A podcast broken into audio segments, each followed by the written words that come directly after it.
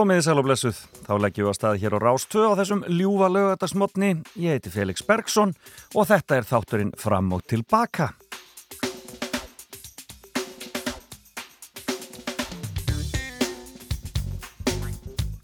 Já, það eru uh, viðsjálfverðir tímar í heimsmálunum en við höldum okkar streiki hér og uh, höldum áfram á Rástvö og fylgjumst með því sem er að gerast og uh, reynum að vera ykkur félagi í, í gegnum daginn.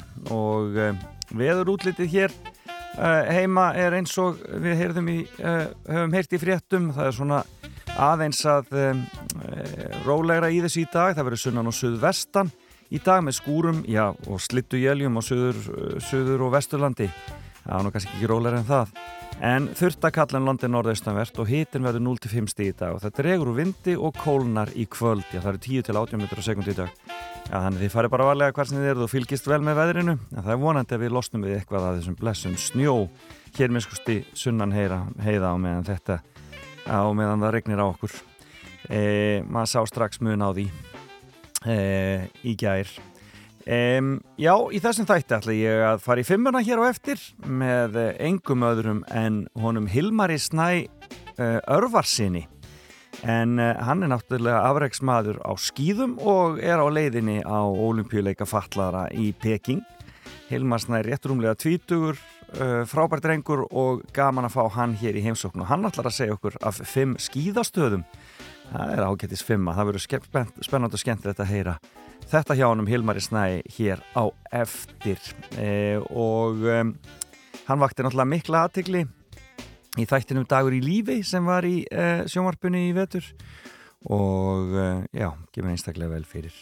Síðan ætlum við aðeins að heyra tvö lög sem að keppa í söngakeppnin í kvöld. Já, já, lífið heldur áfram og við fylgjumst með fylgjumst með lögunum sem er að keppa í kvöld í söngakeppninni hér heima. E, og hún er aldrei svona glæsileg söngakefnishöllin e, sem að e, þið fáið að njóta í sjónvarpinu í kvöld. Og það er engu tilsparað, þetta verður glæsilegt og ég lakka mikið til og mér skilst að skemmtiðatriðið sé stórkostlegt. Kemur í ljós allt saman í kvöld en við spilum tvö lög í þessum þætti og svo verða þrjú lög í þættinum hjá Gísla og Björgu hér á eftir í morgun kaffinu þeirra. Við ætlum líka aðeins að spila nokkur lög sem að Úkræna hefur sendt í Eurovision og segja eins frá Úkræni í Eurovision að þau hafa nátt frábærum árangur í gegnum tíðin og svo verður auðvitað frétta getrunnin á sínum stað. Nema hvað nema hvað. Og uh, þá getið þið ringt og við uh, uh, séð hvort að þið hvort að þið vitið eitthvað um fréttirvíkunar það er nefnilega búið að vera ímislegt annað en Úkræna í fréttum, það er nú þannig. Og um, við skulum reyna að Já, við skulum reyna mjög að skoða það, já, það, það, það, er nú samt þannig að það Úkræna litar ansi mikið fréttinnar en, en við sjáum hvernig þetta verður. Já, njótið þess að vera með og ég ætla að byrja eins og venjulega á þessum tíma ás að lægi úr söngvakeppninni sem hefur ekki heyrst nógu mikið svona aftur að það var, tók þátt á sínum tíma Jóhanna Guðrun Jónsdóttir kom aftur í söngvakeppnin árið 2011 eftir að hafa orðið í öðru sæti í Eurovision árið 2009 Hún kom aftur með lag sem að heitir Nótt en það, því gekk ekki alveg nógu vel sem að var mikil synd því þetta er aldrei frábært lag og um, hefði verið fýtfulltrú í Íslands í Eurovision. Ekki þar fyrir, vinir Sjónna voru frábærir þegar þeir fóruð þarna árið 2011 en revjum upp þetta lag með henni Jóhannu Guðrunu og meðal höfunda er uh, Magnús Þór Sigmundsson. Þetta er Nótt.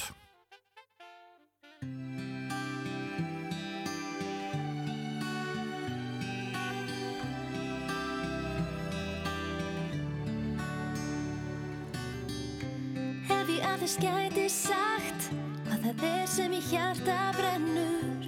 Ef ég ætti svar?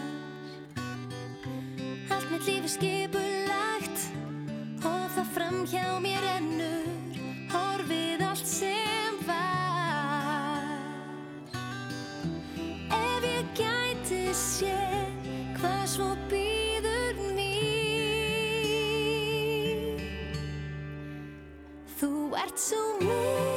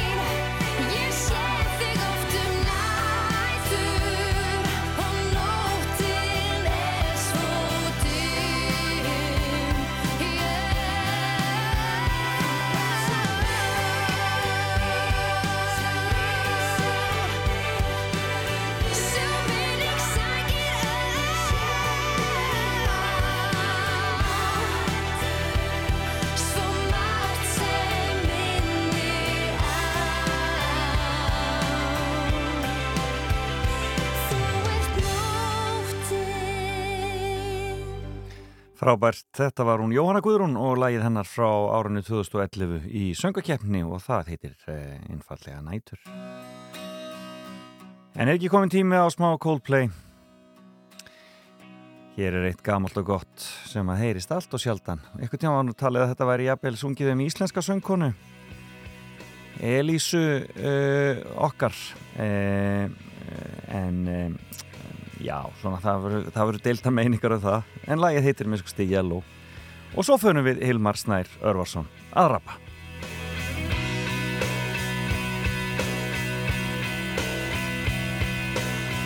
Look at the stars, look how they shine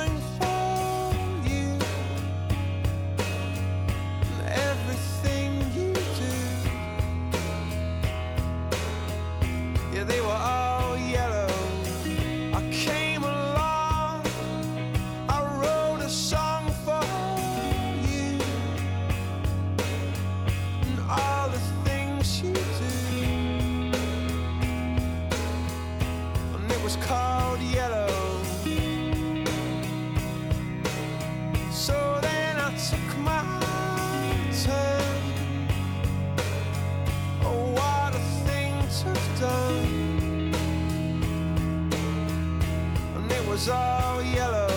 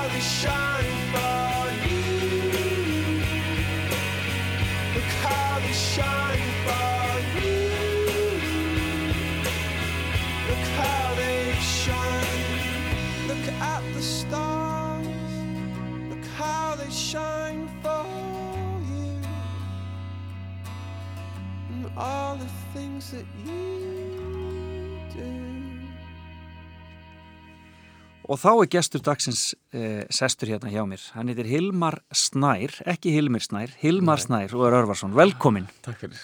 Er þið stundum ruggla saman við leikarann fræga? Já, stundum, svona kunningjar. alveg, gerist alveg stundum, sko. Já.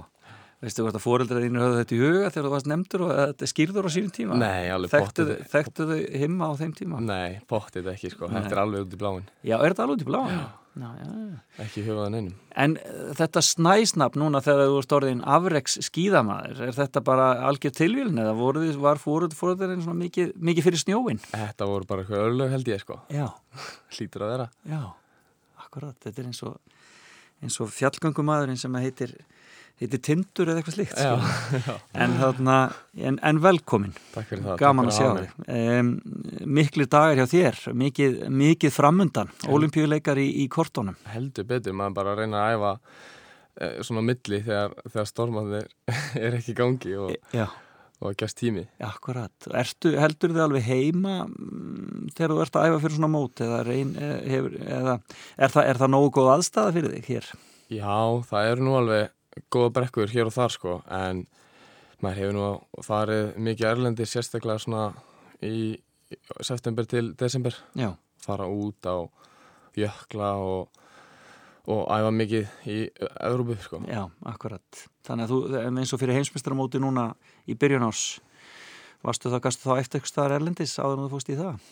Mm, ég bara æfði úti mikið Já, í Nóri, þú veist, aðdraðandan maður, við vorum alveg í rúma viku þannig að maður hafði alveg fimm dag til að æfa á þessum snjó já, en svo er bara, veist, við heitum búin að vera ágætur hérna heima þannig að maður er búin að nýta, nýta það sko. það er nú gott. Og þú er ekki þurft að fara á norður og þú bara geta verið hérna sunnanheiða í rauninni. Já, nema síðustelgi, þá fór ég á tindastól Ok, bara geggjar aðstæður þar og maður fekk að prófa súbyggi hérna á Íslandi, þannig að ekki oft sem maður prófar það já, býtu hvað er það? Það sagt, ég keppi í sví og stórsví. En þarna voru að pröfugera í, í fjallinu súbyggi það er svona, og voru með 3,8 km brekku sem að hérna stráka var búin að tróða fyrir okkur. Já, hérna hér. Siggi Haugs, var Og það er, það er semst lengri brekka þá heldur en í, í hvað? já, þú veist, alveg tölvert lengra og tekur svolítið öðruvísi á sko. Ok, Þú veist, eins og í svíi og stórsvíi ta- tekur var alveg að læri en þarna tók þetta svolítið á baki. Það mæra, brunnstaðan í lengri tíma og já, og þetta er náttúrulega svo löng leið, mm magnað. gífulega gaman samt Já, þannig að það, það er kannski möguleiki að bæta risasvíinu við á einhverjum tíðamúti. hugsanlega, já og vonandi þetta keppi, eitthvað tíma nýjur í Íslandi Já, akkurat. En um, þú vaktir aðtekli margra í þættinum sem var hérna í sjónvarpinu í vetur. Já. Það sem var svona sagarinn var sögð. dagur í lífi, Dagur í lífi. Já. Þannig voru flottir þættir. já, mjög vel gerðir Já, og gaman svona að kynnast fólki. En, þarna, en nú ætlum við að kynnast þér aðeins nánar og þú ert með fimmu handa mér. já, Og um, um, hún er náttúrulega bara mjög í andanum. Fimm skíðastaðir. mhm mér finnst það svona mjög viðandi Akkurat, það svona segir me- mest um þig. já, Byrjum bara á þeim fyrsta. Hvað Já. er sá fyrsti? það er hlýðafjall bara það sem ég byrjaði að skýða eftir, eftir krabbmennið Akkurat. fór, stóð bara fyrst skipt að skýða þarna á námskeiði fyrir já, föll- falla einstaklinga. Já, og vorum alveg minni mig svona sjö eh, hérna, einstaklingar að prófa og þú veist, þarna bara byrjaði að nota minn á skýðum Já, varst, en þú varst búin að skýða áður áður en þú mistir fótinn þá voru þið fjölskyldan, þið voruð skýðafólk já svona kannski ekki keppnis andanum Nei, en nei, við vorum, þú veist, að fara upp í fjall saman og fara í alpana inn á milli Já. þegar, í fyrir jónum okkar og svona. Þannig að, jú, við kunnum öll á skýði fyrir, sko. Já. Fóreldræðinir eru læknar mm sá ég í þættinum.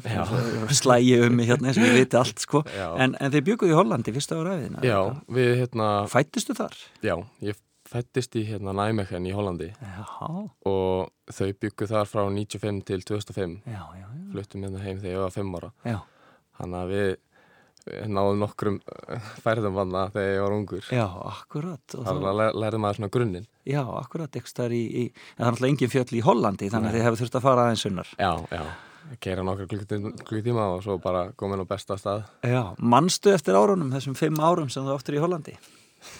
e, svona momentum kannski. Maður man eftir stöðunum og svo þegar maður heimsótt þetta bara setna mér þá svona rifjaðist upp En skemmtilegt, Svona- já.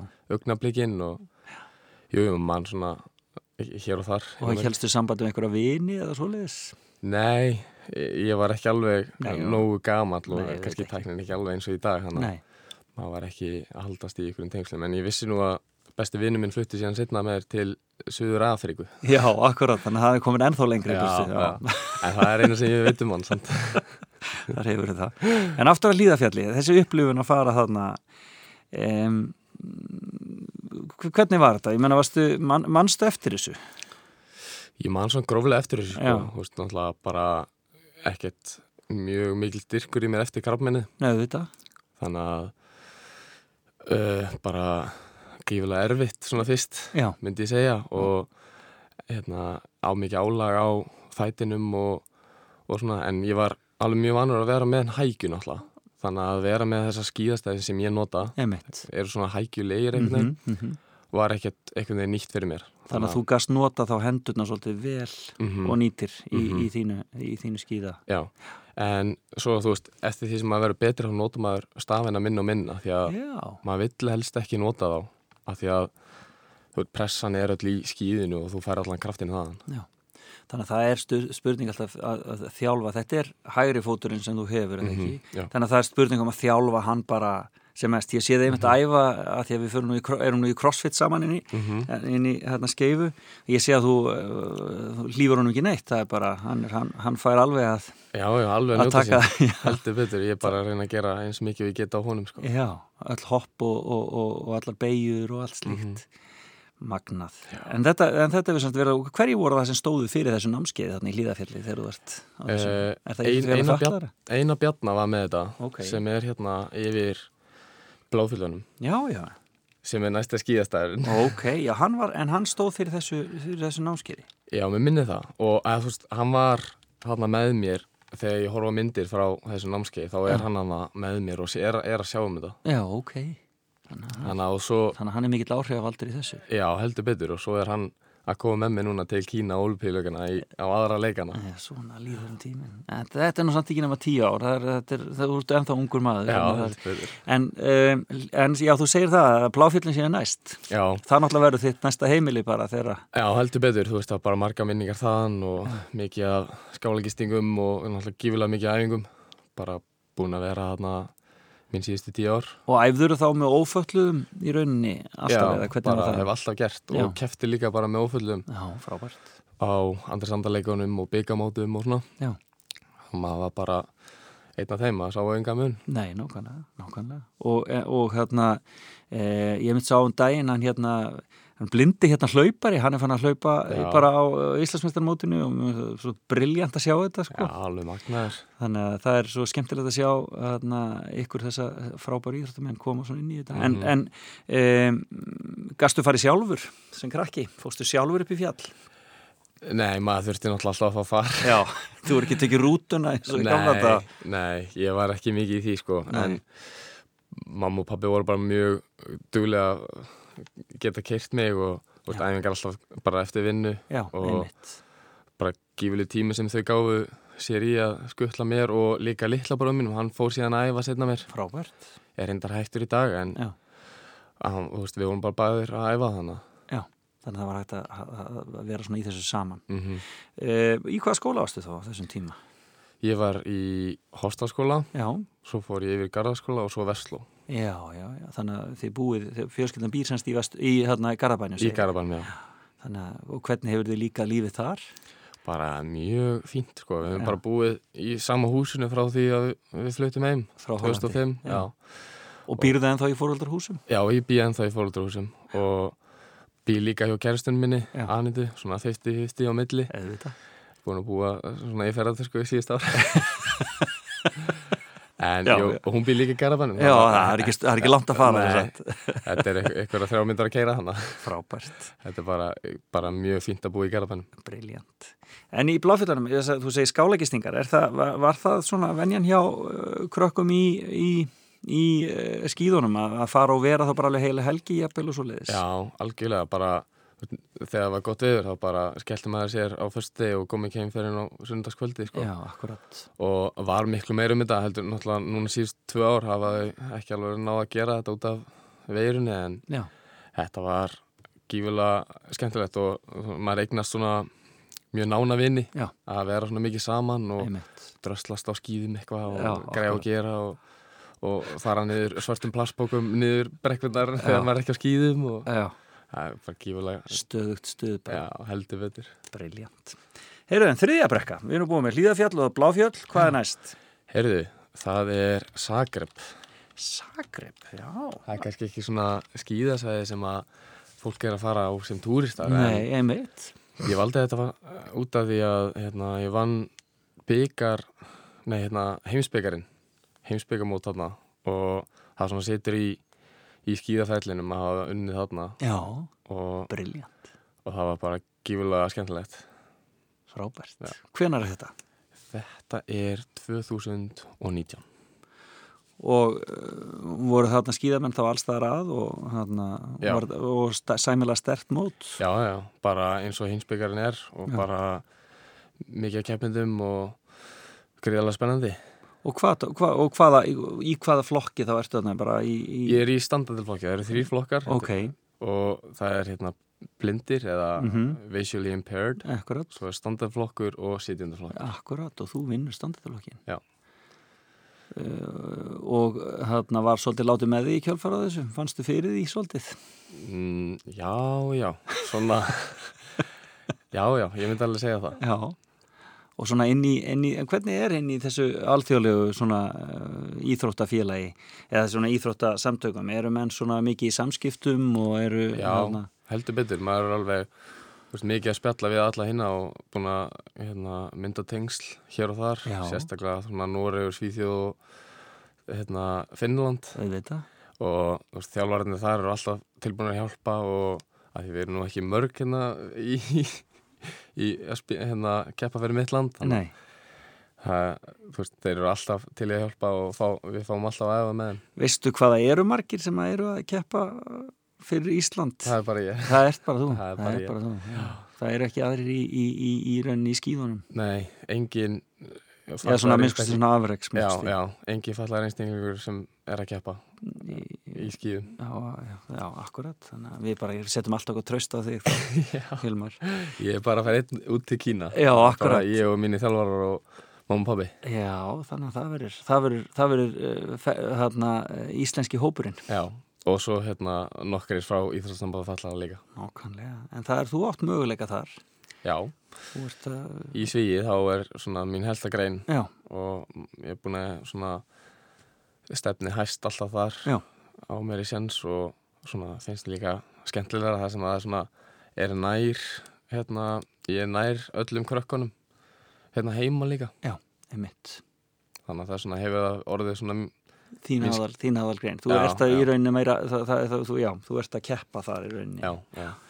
Eh, spennandi, þetta verður frábært. En þetta þessi tími Zagreb, var það, var það eftirminnlegt? já, þetta er reyndar festi matur sem ég hef fengið. Versti, Já. það var svoleiðis.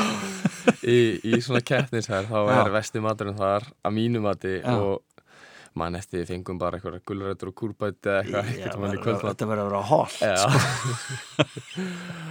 En já, það, já, það En- er bara þetta er svona, þetta er eiginlega bara ein lifta, Já, tvekja stóla, stólalifta og, þú veist, rosalega hrátt. já, Það snjóar ekki mikið, þannig að það Mhm. er bara framleitu snjór. þeir eins og- framöndu snjór fyrir svona keppni Já, svona eins og í Kína, þetta Já. er svona svipaðar aðstæður, það er bara, í Kína er snjór bara framleitur og lítið um náttúrulegan snjó. Já, akkurat og þeir halda vetur olimpíuleika Já, Það er magnað, algjörlega magnað En hvernig kom borgiðin fyrir sjónina? Það er eitthvað sjásakar, byrðum við aðstæða já, já. Skoðana? Og hún er bara alveg upp í fjallið, þannig að þetta er einhver hálftími upp í fjall. Já, Við gistum er endar upp í fjalli en við tókum hann einhvern mann bæjar, bæjar allt og svona með öllum hópum, þannig að uh, maður hefur skoðað sig um þannig. Briljant. Já, en það, það er náttúrulega sem íþróttunni gera, það er svona að fara með þig á staði sem þú kannski hefur ekki farið annars á. Já, heldur betur. Það er mjög mörg skíðasæði sem maður myndir ekki alveg velja því að það er svona kannski skíða hérna, keppnisbakkar en þetta er ekki þú veist, Madonna eða Selva Já. svona risastórsvæði. Akkurat. Heyrðu við, sko, tök- tökum okkur smá pásu. Þú varst búin að velja lag fyrir hlustendur Rásar 2 Já. til að njóta á sunnundasmotni. Og það er Jay-Z. Uh, hvaða lag er þetta? Forever Young. Já. Erum við ekki bara að tekka þessu? Kýlum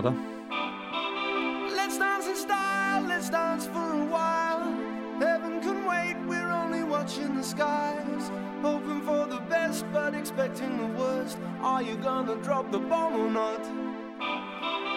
Let us die young or let us live forever. We don't have the power, but we never say never. Sitting in a sandpit, life is a short trip. The music's for the sad man. Forever young, I wanna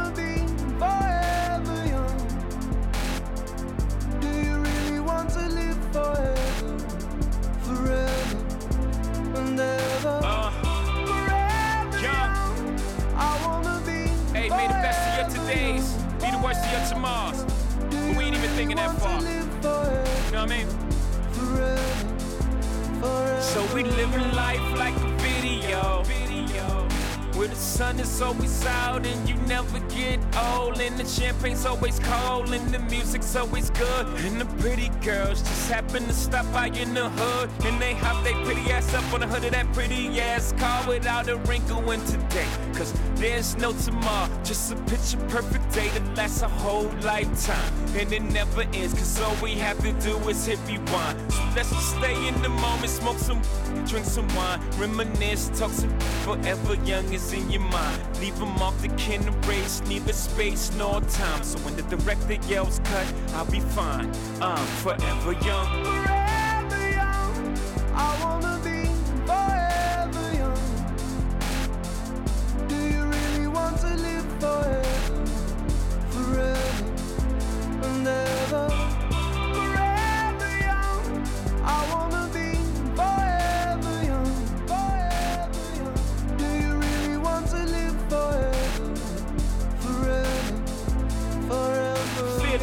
Or fear not why. Fear not much while we're alive. Life is for living, not living uptight. See it somewhere up in the sky. Fear not die. I'll be alive for a million years. Bye byes are not for legends. I'm forever young. My name shall survive. Through the darkest blocks over kitchen stoves, over pirates' pots. My name shall be passed down to generations while debating up in barbershops. Young, slung, hung here. Showed it from here with a little ambition. Just what we can become here. And as the father passed the story down to his son's ears, younger kid, younger every year. Yeah. So if you love me, baby, this is how you let me know. Don't ever let me go. That's how you let me know, baby. Forever young, I wanna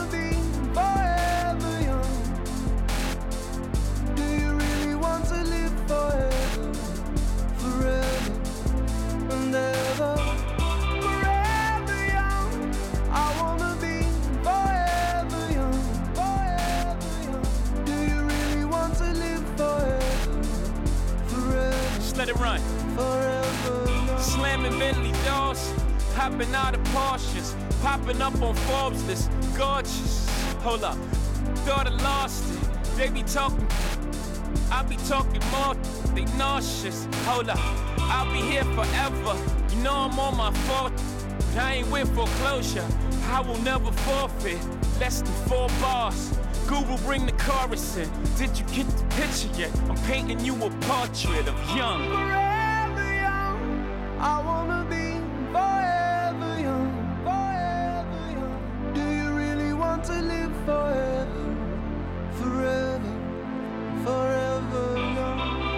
Já, þetta var ekki Forever Young, heldur Young Forever og þetta var Jay-Z og einhver annar með honum hana, Mr. Hudson Mr. Hudson.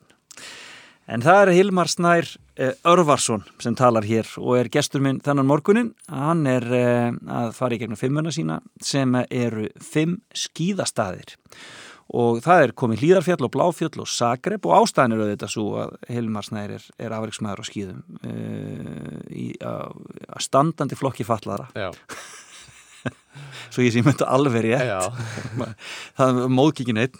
En þarna um, þú ert komin í háskólan já búin með Vestló, Búið með Vestló það hafa verið góð ár. Já, það var mjög eftirminnilega og skemmtilega ár. Það ekki, og ég veit að ég var þarna líka sko. Þannig að, en, en var, varstu í þryggjára námi eða varstu já, á bara venjulegu þryggjára námi Já. og var mikið erlendis náttúrulega. Þannig að maður var svona að gera það sem gera þurfti í skólanum og an, annað var ekki gert hvernig er það með svona afreiksmann eins og þig, er, skí, eru skíðin metin í nám í mennskóla? mm, Sko, það er hægt að fá við metin Já. í mörgum skólum Mhm. en því miður var það ekki hægt í Vestló Nei, Það er einhverjir nokkur skólar á höfuborgarsnæðin sem bjóðu upp á það að fá Já. svona íþróttin metnar en Mhm.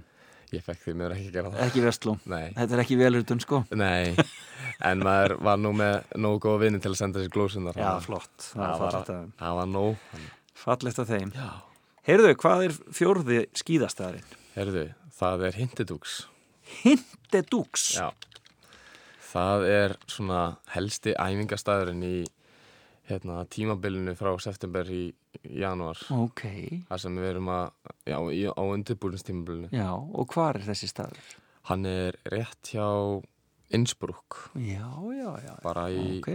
20 minna fjalla þaðan Og er það þá skíðamenn allstaðar aður heiminum, bæði fallaður og ófallaður sem eru þar að undirbúa sig þá? Já, já, maður hittir allsken skíðamennana og maður hefur sjálfur séð þessa bestu skíðamenn í heimi að vera að taka sitt um, undirbúrinstímabili þarna Já, og maður er bara að skíða í svumberk á þeir sko frábært.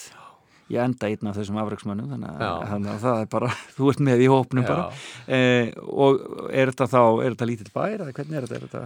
Uh, þetta er bara, fjallið sjálft er bara jökull. Ok, og það er hægt að skíða þarna bara allt árið, ok. hefur verið hægt. Mm Á sömurinn er þetta reyndar ekkert mjög gyrnilegt, þetta er grátt og, og svona bara algjör klaki. Mhm. en þetta er, svo þegar við kemur niður fjallið þá er þetta svona nokkrir bæir bara í meðfram veginn niður fjallið. Ok, og það hefur bara verið að gista þarna í fimm mínúna fjallað frá klopnum, já, akkurat. alveg ekki. Frábært. Og þetta er semst Sviss þá? Nei, þetta er- Austuríki, þetta er Austuríki fyrir ekki, þetta er já. Austuríki þetta. Og hérna, e, og hefur farað oft? Ég veit ekki hversu oft sko, Nei, það er öruglega eitthvað krigum, ég held ég get ekki talið það sko, Nei, akkurat. öruglega yfir tíu skipti sko. Og ferðu, og ferðu orðið eitt þá bara? Vanlega með bara skíðaliðinu hérna í Reykjavík, Já. förum vanlega svona kannski 12 til það átján krakkar, einstaklingar sem að er að fara að næfa Já. og eru núna með tvo serba sem hafa verið að þjálfa okkur núna. Ok. Þannig að þeir, þeir eru með hörkuna og allt, allt í þetta. sko. Já, það er alveg, það er, það er svipan á liðið. Já, heldur veitur. Já, er þetta ekki ljúft að fara og geta bara einbeitt sér að hann svona í, í ákveðin tíma? Jú, alveg gífulega og sérstaklega vera með bara hérna, aðstæður það sem er alltaf bara eins. Þú er bara með sama snjóin á þriðið mjögdegi alveg út vikuna. Já. Og það bara gefur alveg gefið munn, sko. Akkurat. Og það er ekki vandamál með mat í Östuríki. Nei, það er betri matur heldur en í Zagreb, myndi ég segja, sko. Það er hægt að borða sér satan og Já. það er eh, aðeins ljúfara. Akkurat. Frábært. Dásanlegt. Hindidúks. Er þetta líka opið fyrir almenning eða svolítið? Er þetta fyrst og fremst bara svona fyrir, fyrir afreiksfólk til að æfa? Maður sér alveg fólk vera að skíða þannig í oktober, sko. Það er alveg áhugavert að sjá eitthvað túrista þarna bara á mjög skrifnum tímum en svona ég myndi segja 99% af fólkinu það er bara komið að æfa og Já. Það er alltaf bara byðröð klukkan 8.15 þegar fjallið opnar á mótnana að fólki að reyðjast Já, sem alltaf sé bara að ná æfingunni sinni. Að ná æfingu og ná árengu bara. Já, frábært, spennandi. Þá erum við bara komnir í síðasta síðasta, síðastu skíðabrekku. Mm eða síðasta skíðastað, hvað er það? það er svona aðeins þekktari staður. Ég valdi mér Iskl. Já, þennan fræga. Já, það sem við tókum við fjölskyldan hérna, skíðaferð 2019 Nei, Já, já. Rétt fyrir rétt faraldarinn sluppuð bara. Já, Blésuðu í flautuna frægu? Nei, heldur við þetta ekki.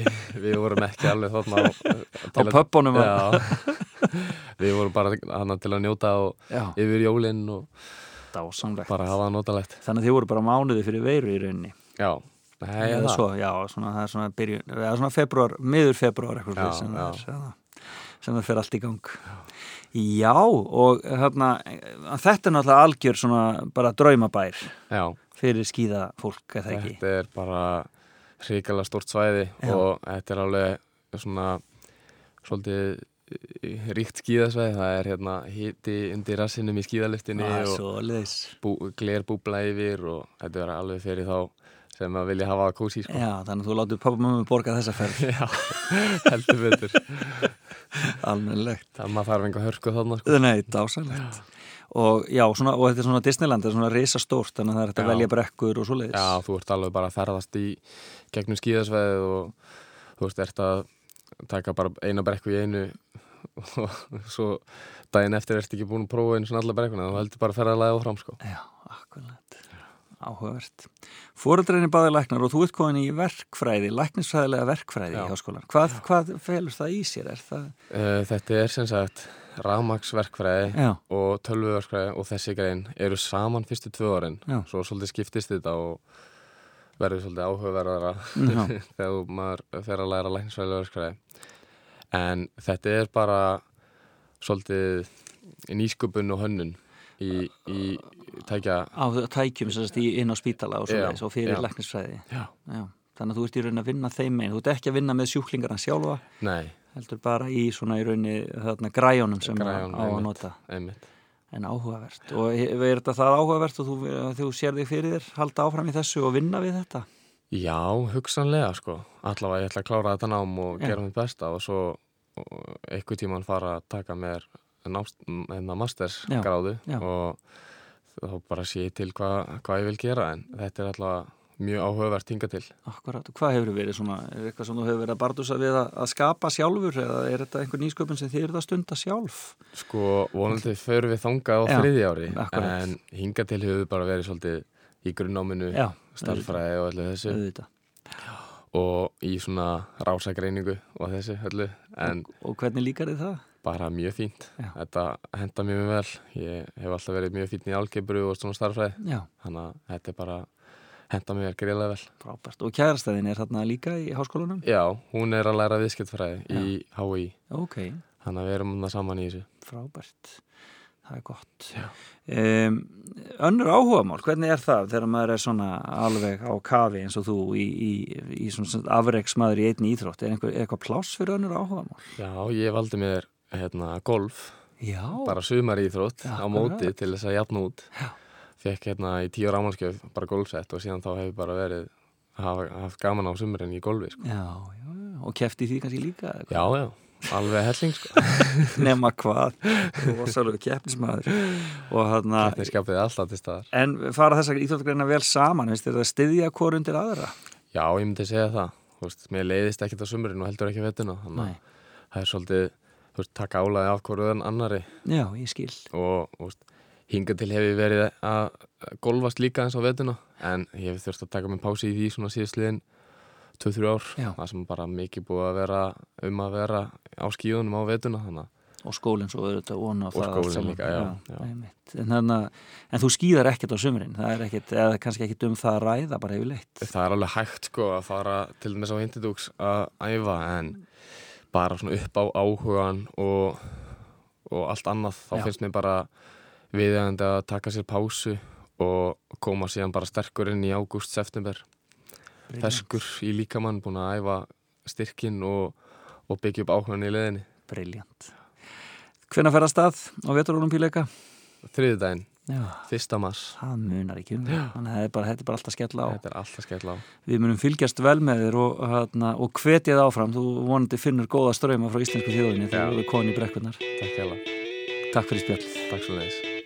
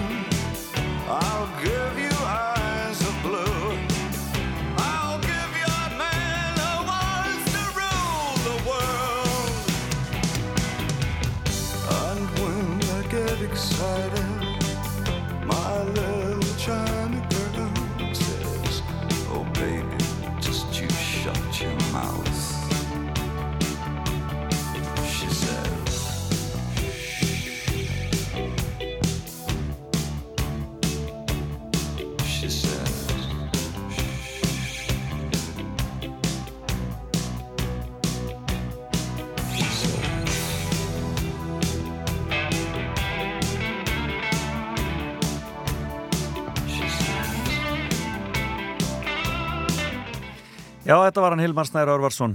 Gaman að hitta þennan frábæra unga mann og það verður gaman að fylgjast með honum á uh, vetarólu píleikum fallaðara og við bara treystum á það að þar takja hann eitt stykki olimpíugull fyrir Ísland. Alvöru maður og greinilega mjög fókuseraður í sínu sporti. Og svo segja þær mér eh, á íþróttudildinni hann sé nú að, að, alveg bara mjög góður í golfi og miklu meir en bara eitthvað venjulegu golfari. Bara alvöru þannig að eh, það er greinilegt að þessi drengur getur allt Já, þeir eru spenntir á íþróttildinni þegar frétta að ég var að fara að taka viðtalið þennan góða dreng því að uh, frábær íþróttumæður þar á ferðinni. En við höldum áfram í fram og tilbaka og hér eftir nýju þá ætla ég að spila nokkur af þeim lögum sem Úkraina hefur sendt inn í Eurovision í gegnum tíðina. Það er land sem hefur aldeilis uh, gengið vel í Eurovision uh, og uh, unnið að minnstakosti tvísvar og svo og þó þeir hafa ekki keft nema 16 sinnum í það heila. Og svo ætla ég að spila tvölu úr söngvakefni sem að verða á, sviðinu í kvöld þegar við veljum tvö lög áfram í úslitin þetta er að verða spennandi. Og svo er þetta getur á sínum stað. Nema hvað. Beint úr efstaleitinu í Reykjavík. Fram og tilbaka á Rástvö.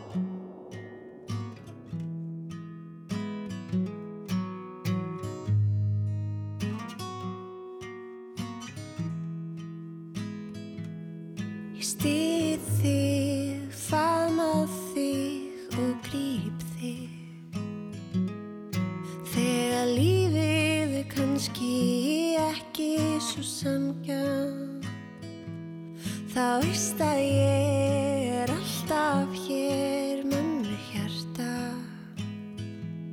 Til staðar fyrir þig, til staðar fyrir þig. Og þegar óttin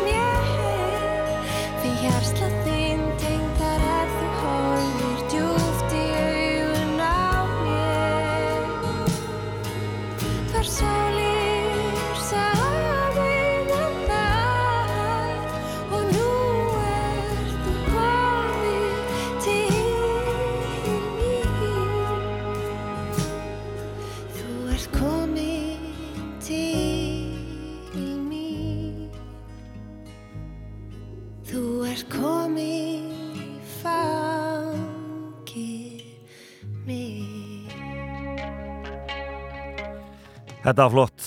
Mömmu hjartað. Eh, Margrét Rúnarsdóttir þarna. Virkilega vel gert. Þetta er öruglega Rúnar Rúnarsdóttir úr grafík. En hérna er eh, Roxy Music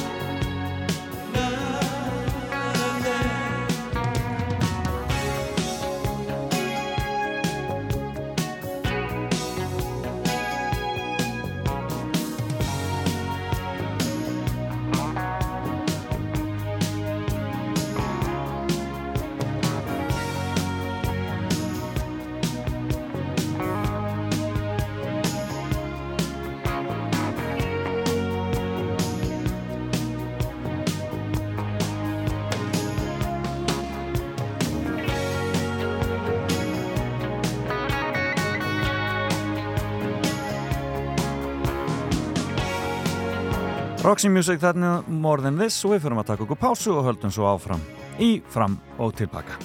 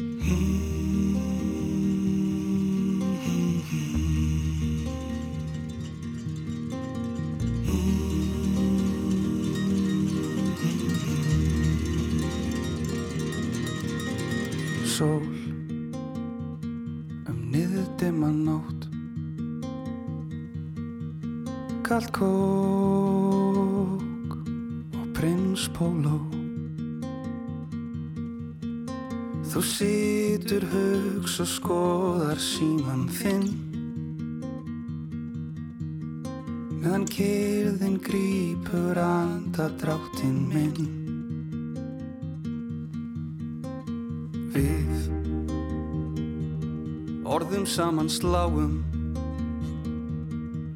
En í raun við deilum eflaust fáum. Þú þarft eitthvað að segja svo ég gef þér plás Ég stari út um gluggan það til þúnar átt. Horfa á malbyggið grátt grátt. Á veginum til hliðar dansa strá Og kynnin er tár. Viltu segja mér frá? Viltu segja mér frá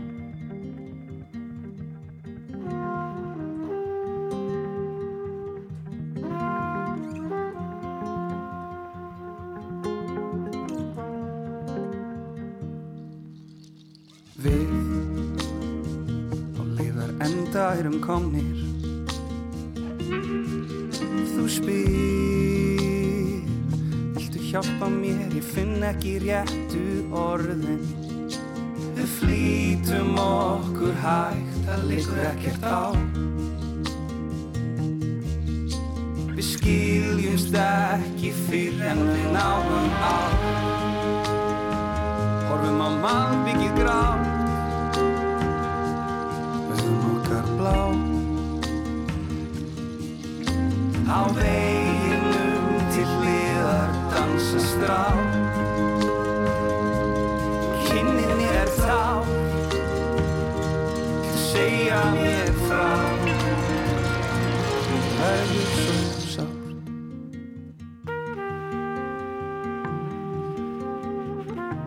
Ja, þetta er vel gert.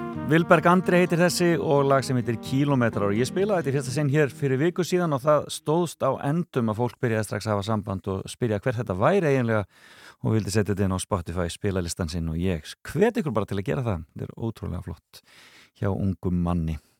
Jæja, komið sæl aftur, þá höldum við áfram í fram og tilbaka og það er komið að því að spila fyrra lagið sem ég ætla að spila þennan morgunin úr söngvakeppninni í kvöld sem fer fram í söngvakeppnishöllinni glæsilegu inn í Gufunesi og e, já, það er aldrei svolítið flott þar, ég veit ekki hvort ég sáð til dæmis kastljósið í gerðkvöldi, það er svona hægt að sjá svona aðeins e, svona í bakgrunninum hvernig þessi glæsilega hölli fann að líta út. Þarna er búið að vinna baki brotnu dag og nótt e, núna í einhverja tvær vikur við að koma þessu saman og þetta er að verða alveg ótrúlega flott. Og þeir sjáu þetta í sjónvapin í kvöld. En lögin tvö sem ég ætla að spila eru Don't You Know, íslenska útgáfan e, með duettunum Amarosis og svo er það e, Ljósið sem kemur hér á eftir með hana Stefánu Óla. En byrjum Amarosis, þetta eru sískinni auðvitað e, og e, þau Ísold og e, hann Már. Þau eru frábær og e, höfum bara ekkert fleiri orð en það. Heyrum Don't You Know, en þetta eru auðvitað íslenska útgáfan.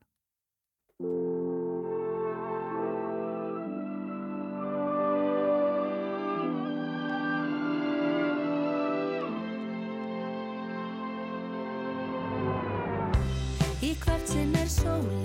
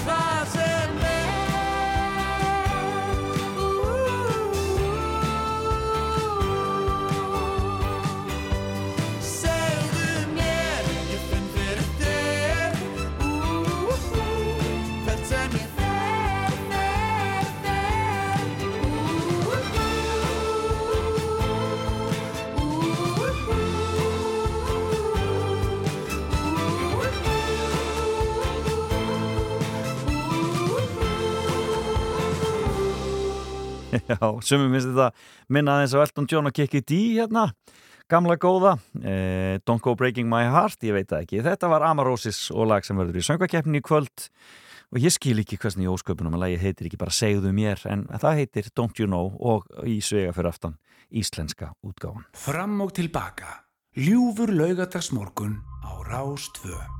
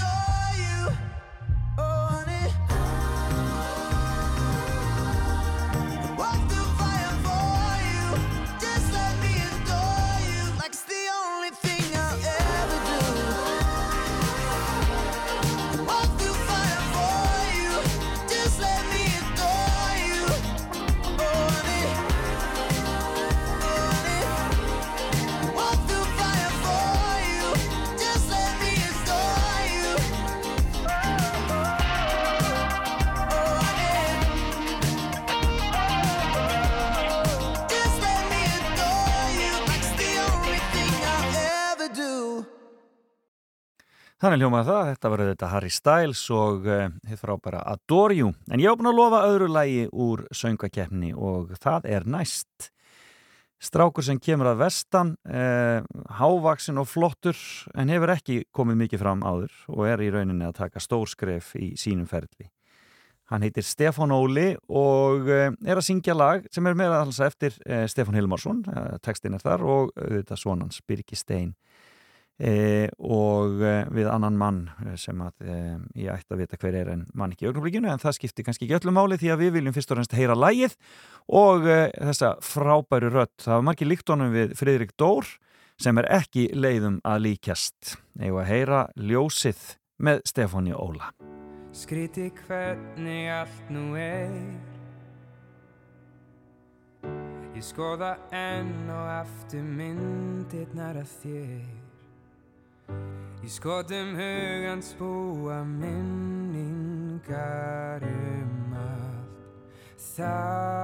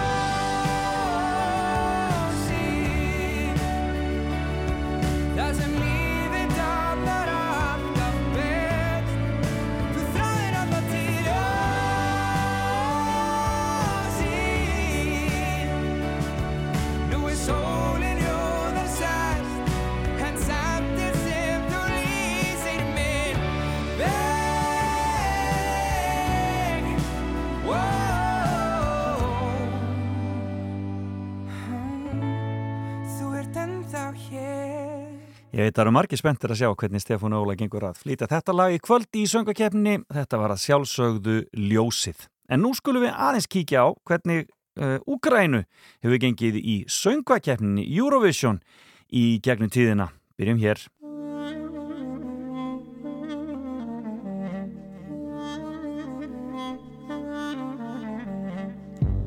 When strangers are coming, they come to your house. They kill you all and say, We're not guilty, not guilty. Where's your mind? Humanity cries. You think you are God, but everyone dies. Don't swallow my soul, our souls.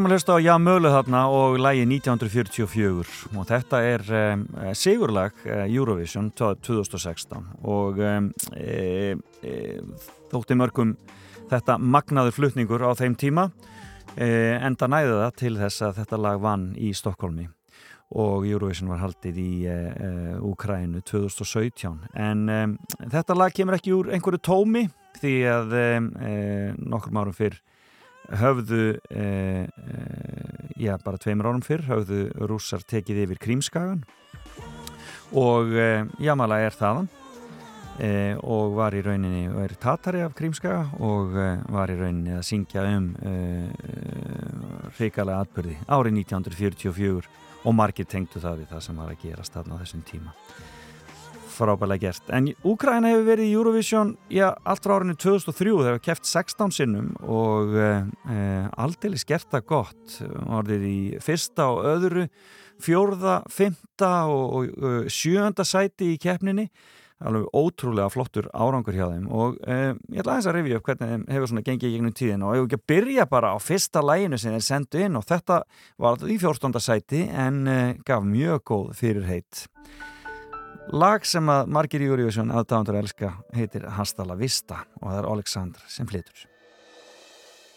Don't try to deny. I can see in your eyes all the love you'd like to hide away. So don't cry, say goodbye,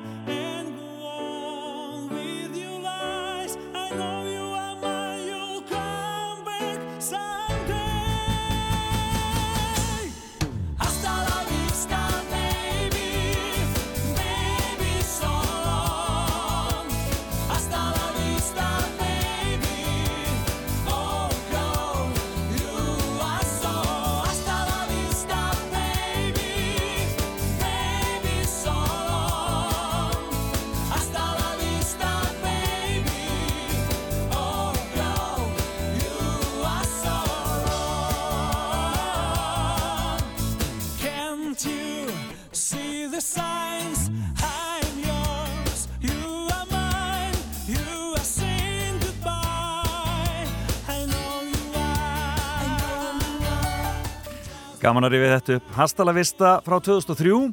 Það var margir sem mun eftir þessu þegar uh, uh, Úkraina kom inn í Eurovision og uh, ég gerði það bara strax svona askvalli gott og uh, já, þeir voru ekkert að tvínana við það. Þeir tóku bara sigurinn árið eftir í einu eftirminnilegasta atriði Eurovision fyrr og síðar.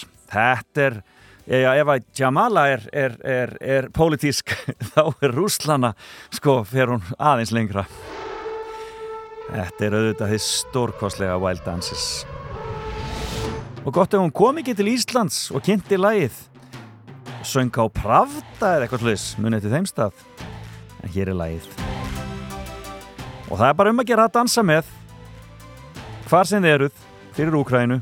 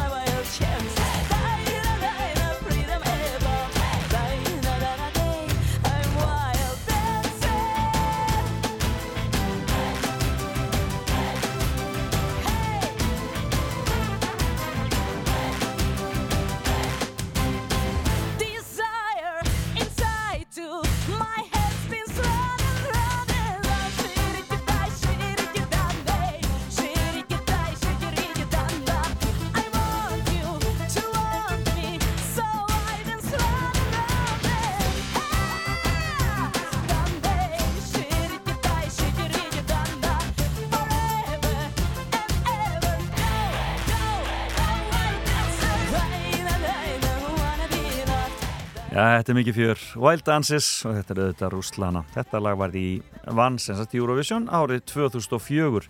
Já, en Ukrænumenn hafa sem sagt orðið í þriðja sæti með eh, lag sem heitir Gravity. Það var árið 2013 og lagi TikTok var því í sjötta sæti hjá þeim árið 2014, glæsileg sviðsetning. Og svo auðvitað var það Go A sem alltaf komið hér í úslit söngakefninar. E, og þau eruð í fymta sæti árið 2021 og þeir náðu líka fjórðasætinu árið 2011 með lag sem heitir Angel. En þeir hafa tvisasinnum orðið í öðru sæti. Og hér er annað þeirra laga. Annað lag sem er gríðarlega vinsalt með Eurovision aðdáðanda það heitir Shady Lady. Þetta er stórkoslegt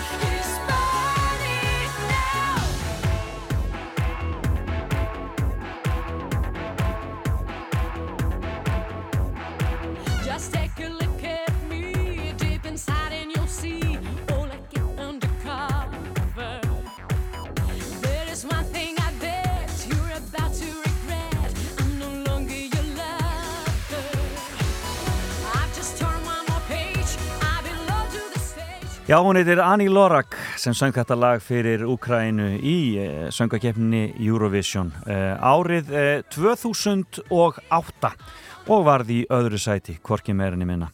En uh, það var annað lag sem að varð í uh, öðru sæti árið á undan og um, að því við erum að tala um, um einhver ákveðin mótmæli að þá virkar þetta lag alls ekki þannig. Þetta virkar bara sem geggjað stuð en það eru falin eh, mótmæli inn í þessu lagi eh, skýr skilaboð til eh, nágrannana að láta Úkræn í friði. Það gekk ekki eftir en lagi stendur og var í öðru sæti í Eurovision. Þetta er engin öðru en Verkaserduka Hello everybody, my name is Verkas Já, stundum gengur grínið upp og það gerir það svo sannlega þarna. Við skulum enda þessa litlu yfirferð yfir eh, lög eh, Úkræn í Eurovision með þessu frábæra Sieben, sieben, Alulu, sieben, sieben, eins, zwei, sieben, sieben, Alulu, eins, zwei, drei.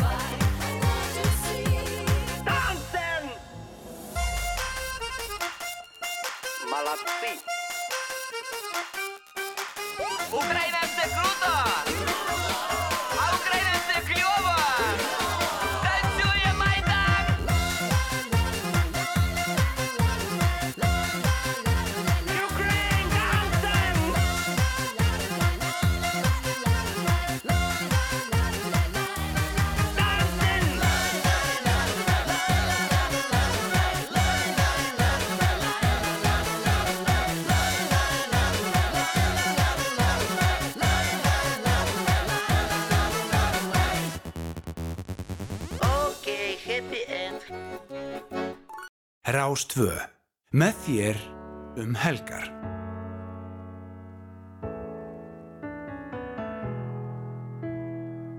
Ég þamba vasklasið, horf á speil, mynd mína um stund Leitanda sjálfstrausti myndi vilja eiga með því fund Ég svíf sem gasblara, tegi mig til stjarnana Tekst ekki að greina hvort að ási eða þráhyggja. En hvað sem verður smíðar heilin minn samt skýja borgirnar okkar. Og ástin heldur vöku fyrir mér Uns morgun sólin rís. Ástin býr til mynd í huga mér Sem að aldrei lítur líf Ef hjartað finnur eiró Sveipast hulum mitt ljós Og hausinn heldur vöku fyrir mér En á ný. Ég gleypi svefntöflu bara til að kvíla stundarkorn. Því tíminn hann líður á traðar þegar kvíðinn kveður burtu hugans lopp Ég vildi óska að þú værir bara tilbúinn. Því góðu tímatnir þeir gera heiminn fullkominn. En hvað sem verður dofnar fegur þín aldrei í huga mér. Mm, Og ástin heldur vöku fyrir mér. Uns morgun sólin rís. Ástin býr til mynd í huga mér Sem að aldrei Ef hjartað finnur eiró Sveipast hulum mitt ljós Og hausinn heldur vöku fyrir mér. En á ný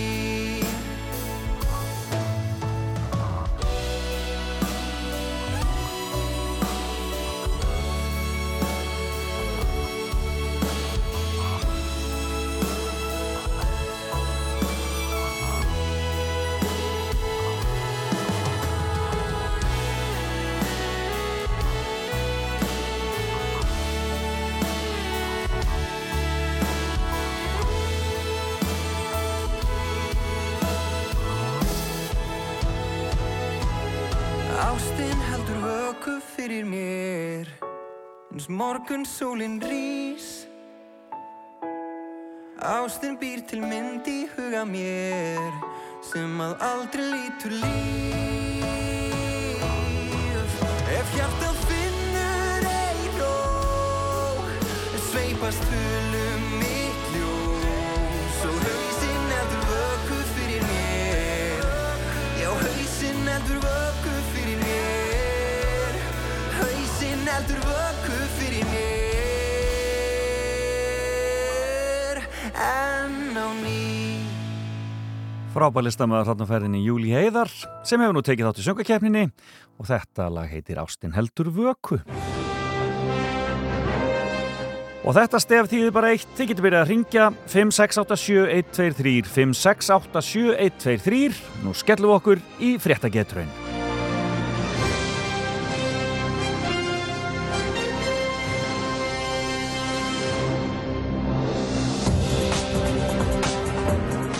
Já, og það er ímislegt búið að vera í fréttum í vikunni og verðlaunin eru uh, að sjálfsögðu frá þeim í Krauma.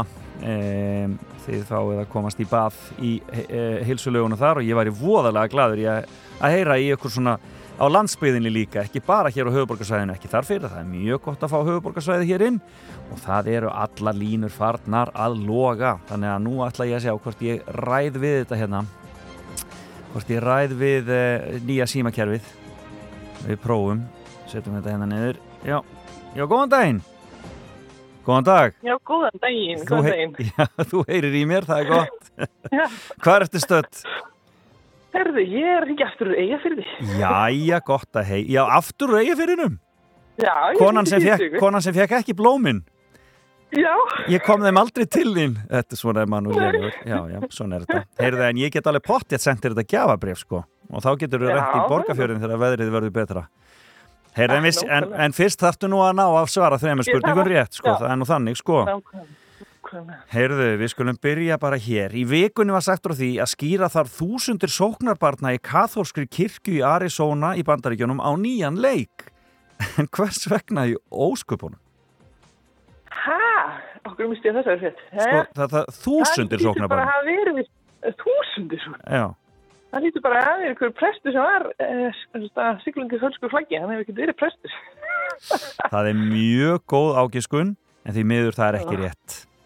Ó, Heyrðu, takk fyrir að ringja. Ég bygg kærlega að hilsa norður. Þú reynir aftur síðar. já. Það er ok, Já. ble, já, bless, bless. Já, nei, það var ekki rétt. Hann, var, hann er prestur, sko, presturinn hann, en hvað gerði hann, sko? Skulum vera, góðan daginn. Halló, nei, þessi bara fór. Þessi bara fór, þá bara tökum við næsta. Góðan dag. Góðan daginn, heyrur í mér. Nei, þessi fór líka. Hann veit þetta greinilega ekki. Skulum prófa hérna. Góðan daginn.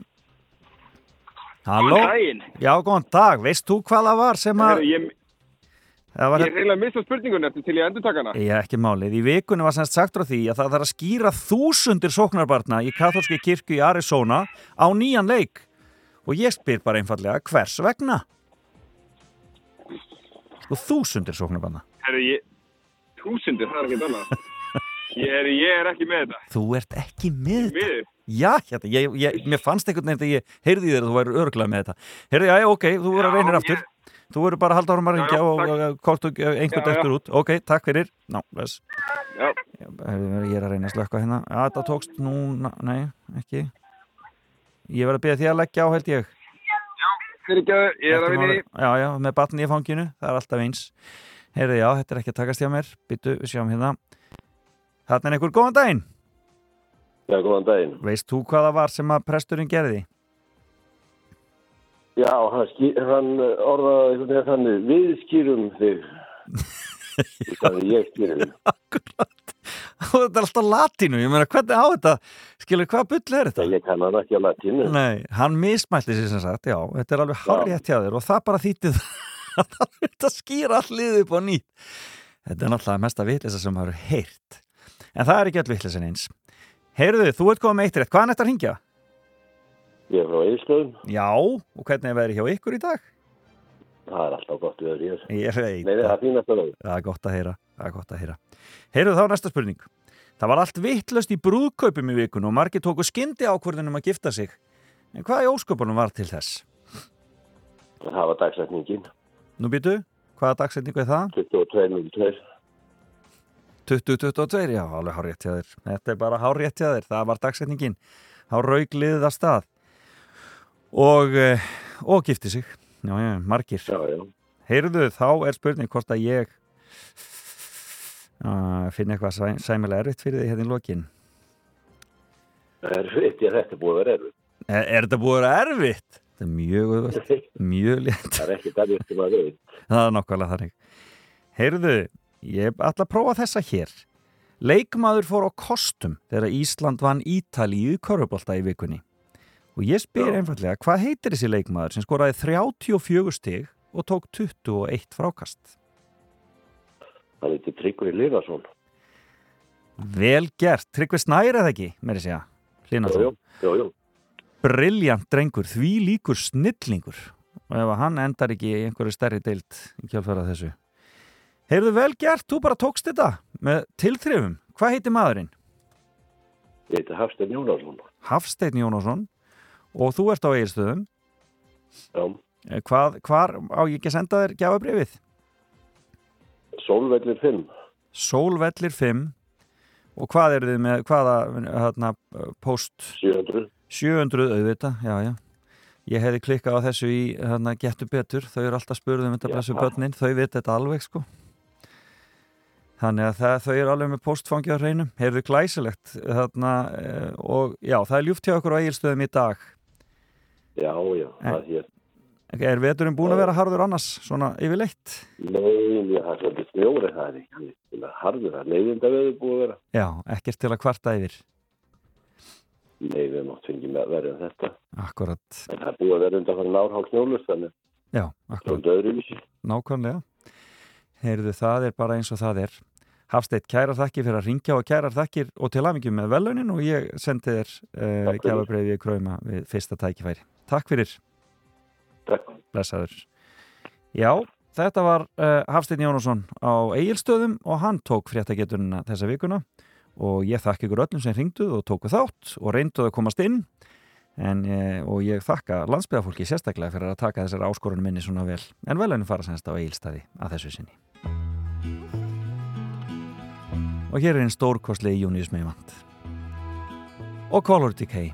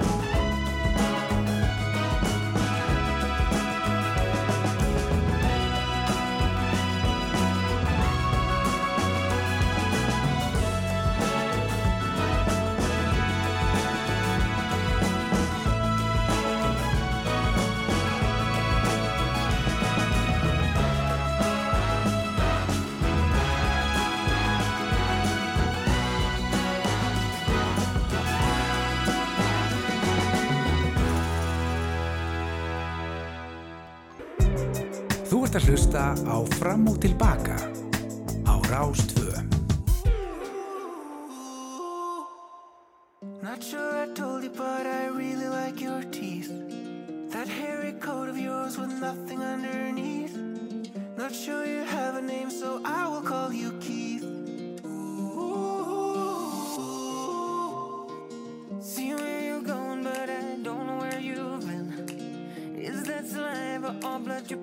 your chin? If you don't like the name Keith, I'ma call you Jim. And before that wolf eats my grandma, give that wolf a banana, give that wolf. And before that wolf eats my grandma, give that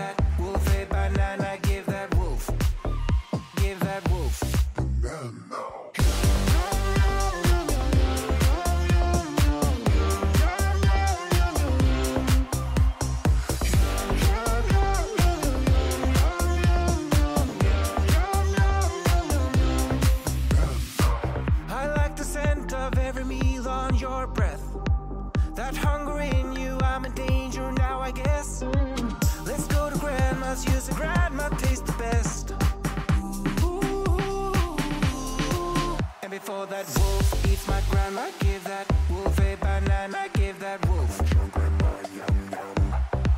And before that wolf eats my grandma, give that wolf a banana, give that wolf. Give that wolf.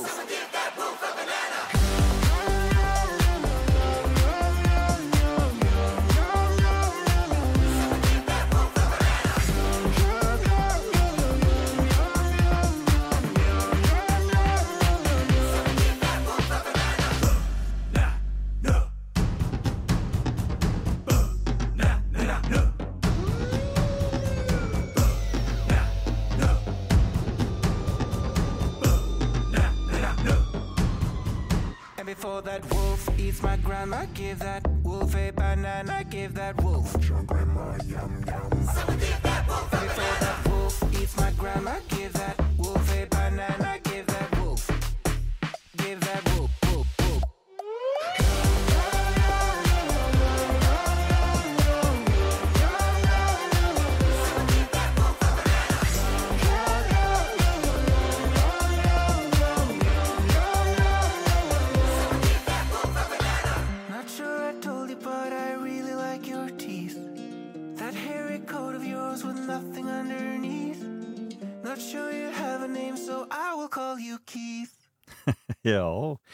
þið veltið sjálfsagt fyrir ykkur hvað í ósköpunum þetta hafi verið sem að útastmaðurinn eitthvað var að spila fyrir ykkur. En þetta var nú bara hvorki meirinu minna en framlag eh, eh, Norex í Eurovision í ár. Þetta er Subwoofer og lag sem að heitir einfallega Give That Wolf a Banana. Og ég bara legg ekki meira á ykkur. Þannig ljómaði það. Já, ég heiti búið hjá mér í dag. Búið að vera gaman að sitja með ykkur eins og alltaf hér í stúdíón okkar nýja stúdíói 2 í efstaleitinu og um, við erum búin að koma víða við. Ég fekk góðan gest hér í morgun í fimmuna og uh, það var íþrótta uh, álfurinn sjálfur Hilmar Snær Örvarsson, mikið íþrótta hetja uh, keppir í, á olimpíuleikum fallara núna síðar, er að fara bara að staði í næstu viku og við munum fylgjast með honum. Hann á möguleika á verðlunum, þessi frábæri e, íþróttamæður í svíinu þar. Og e, hann er líka golvari og hann fór með mér í gegnum fimmu sem að e, inni helt fimm skíðastadi og í leiðinni kynntustu honum nánar. Mikið gaman að fá þennan frábæra dreng hér í heimsókn. Og framtíðin er aldeilis björst með þetta unga glæsilega e, fólk sem við eigum Eh, og eh, síðan eh, heyrðum við tvö lög af þeim sem að keppa í söngvakeppninni í kvöld. Eh, við heyrðum eh, annars vegar eh, eh, lagið Don't You Know og hins vegar eh, Ljósið. Og eh, eh, ég veit að Gísli og Björg sem er að fara að taka við að mér munu síðan eh, spila eh, hinn þrjú hér á eftir þegar lögin sem keppi kvöld. Svo rendi aðeins yfir það hvernig Úkræn hefur gengið í Eurovision og rifjaði upp lögin þeirra í Eurovision Þeir hafa verið með í 16 ár og eiga fullt af flottum lögum sem hafa lifað uh, keppnina og uh, eru uh, þeim til sóma. Þeir hafa orðið í öllum efstu sætunum þarna í, uh, já, þeir hafa náð allt frá fyrsta upp í, upp í uh, sjönda sæti með mjög reglulegu millibili eh, og staðið sér frábælega í, í Eurovision gegnum tíðina. Og það er vonandi að þeir geti verið með í ár. En það er nú eins og það er, maður veit aldrei hvernig hvernig eh, þetta reyfist allt saman. Og svo að lokum þá fórum við hér í fréttagetraun og það var hann Hafsteinn Jónasson á Egilstöðum sem tók uh, uh, gjafabrefið í Krauma og hann fer og, og hefur það haukulegt þar. Hvort sem er að vetri eða sumri dásamlegt En ég ætla að stimpla mig út, ég verð hér aftur að sjálfsögðu eftir viku á mínum stað og hlakka til að vera með ykkur eins og alltaf eh, og Gísla og Björg taka hér við, síðan er þetta allir það ekki eftir háttegið og eh, vinsaldalistarnir og svona reyku dagskráðan síðar ástvö. Verðið með okkur og fariði varlega hvar sem þið eruð. Endum þetta á uh, ukrainsku hljónstinni sem er að koma til að syngja fyrir okkur í uh, söngakefninni. Uh, og eh, heyrumst aftur eftir viku. Bless, bless.